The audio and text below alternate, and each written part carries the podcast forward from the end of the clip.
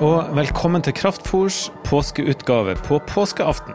Og dette er et samarbeid mellom Kraftverket menighet og Fagerborg menighet. Jeg heter Kjetil Gilberg, og jeg har fortsatt storfint selskap her i hele påska. Sunniva Gylver er her, og Bendik Baasland er her. De er begge prester i Fagerborg menighet.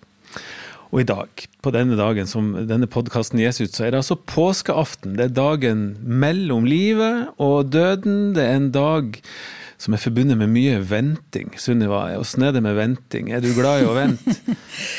Nei, jeg er nok en litt utålmodig type. Eh, og så er jeg eh, på godt og vondt tror jeg litt sånn effektiv. Men det tror jeg kanskje mange er blitt. At, at jeg tenker som barn og ungdom, altså før eh, smarttelefonen, så, så, ble det jo venting på bussen, eller venting på noen du sto og skulle møte, eller venting på et eller annet som skulle skje. Mens nå fyller vi jo gjerne alle mellomrommene, mange av oss i hvert fall.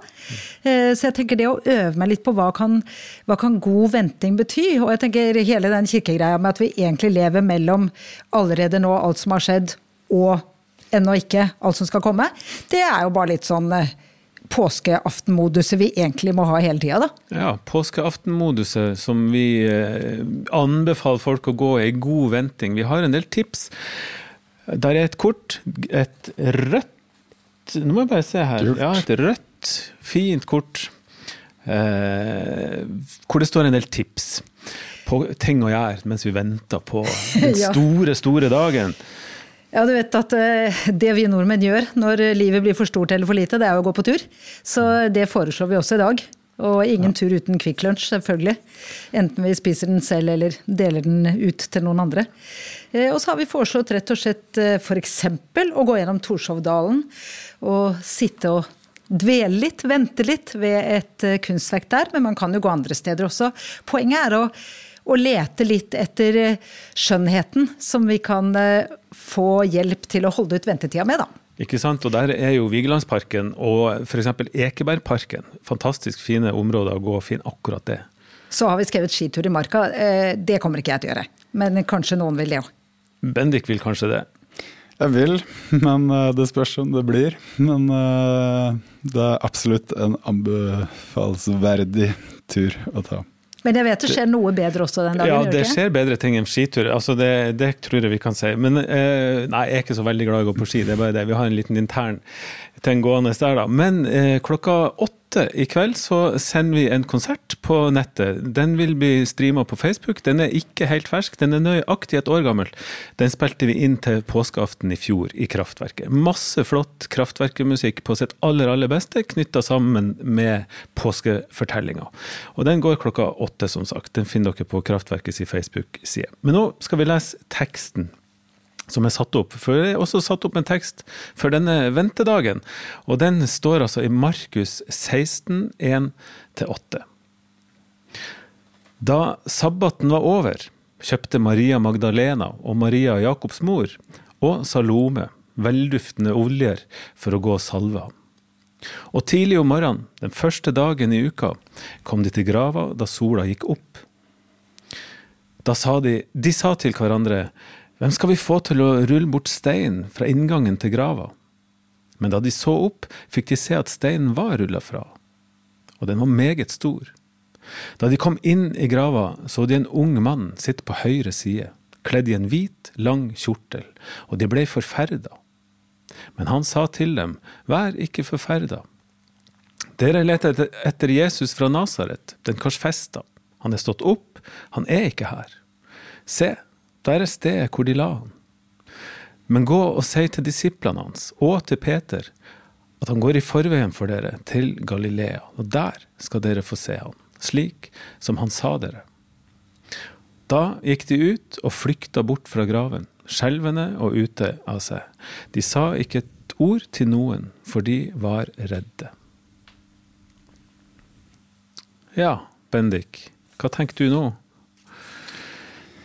Det er jo en, en, spennende Nok en spennende historie som denne påsken bringer, bringer oss. Uh, og så er det, det er et eller annet med denne uh, delen av fortellingen som, uh, som får sånn her håp inn i, i, det mørke, eller liksom Man kan skjønne at her er det noen som opplever noe nå som bryter litt med det de trodde at det var tilfellet. Og det kjenner jeg jo er litt sånn Det er jo den, denne, den, denne dagen representerer, at den er litt sånn midt imellom. Uh, og jeg er ikke så glad i sånn her uh, halvdistanse. Altså jeg kjenner det at det, jeg syns det er vanskelig å være på halvdistanse. Hva, hva, er det som gjelder her nå? Er det liv eller død? Er det mørke eller er det lys? Jeg har også jobba mye med mennesker i krise. Jeg jobba på Rikshospitalet. Og der er jeg ofte inne i akkurat den der fasen hvor du ikke vet helt hvordan kommer ting til å gå. Kommer den som jeg er glad i til å leve, eller kommer til å dø? Og en ting som har slått meg med det, det er at uh, folk må få være der de er. Altså, folk kan ikke alltid være i mørket. Folk må også kunne være glade når ting er uvisst. Og da tenker jeg litt om påskedagen eller påskeaften, at det, at det, er noe med å tillate seg litt begge deler. At du er litt i mørket, og du er litt i lyset. Jeg er enig i Sunniva i at er, vi har godt av å vente, eller lære oss å vente. Men jeg tror også at det kan bety at man gjør ting som, som uh, er fylt av håp, da. Eller som er fylt av glede. Og min erfaring i etter mange år med å feire påske, eller forsøke å markere fastetiden og feire påske sammen med andre mennesker her i Oslo, det har vært at det er så lett å få folk med på de triste delene av fortellingen. Få folk til å være med og liksom faste eller være stille eller gå på gravene eller, eller ikke liksom uh, ja, gjøre de gøye tingene, da det, det, er veldig lett. Men å få folk til å faktisk liksom håpe, glede, være lyse, det er, har alltid vært en utfordring.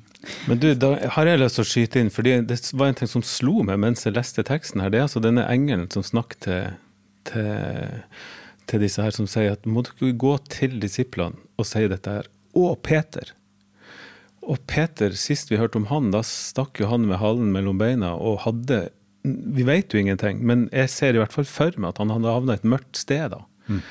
Og han må få være der han er, sånn som du sier, men det håpsbudskapet som kommer der, da, ifra disse to, der i det mørket som han befinner seg i, det må høres helt fantastisk frigjørende ut. da. Tenk å være Peter akkurat da og bli presisert at du må få med dette her, for du befinner sannsynligvis på et mørkt sted.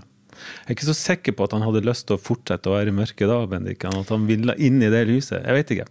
Eller det, vet det, det er jo interessant, da, fordi eh, jeg syns det er veldig klokt det du sier, Bendik. Og så har jeg samtidig en sånn jeg, når jeg leser den teksten, blir jeg litt fornærma. Du, slutt å ta påskedag på forskudd! Hva skal jeg snakke om i morgen da? og jeg tenker jo at noen miljøer er dritgode på langfredag. Og andre tar kanskje festen alltid og snakker ikke om det som er vanskelig. At vi må lete litt, eller kanskje se litt hva er det som utfordrer oss og der hvor vi er, da. Men jeg tenker jo som du fortalte fra jobben din, at ja, det er jo kjempeviktig å lete fram håpet og lyset og få lov til å glede seg også midt i det som er vanskelig. Og kanskje særlig at vi har lett for å tenke at vi skal sørge eller ha det vanskelig på én måte.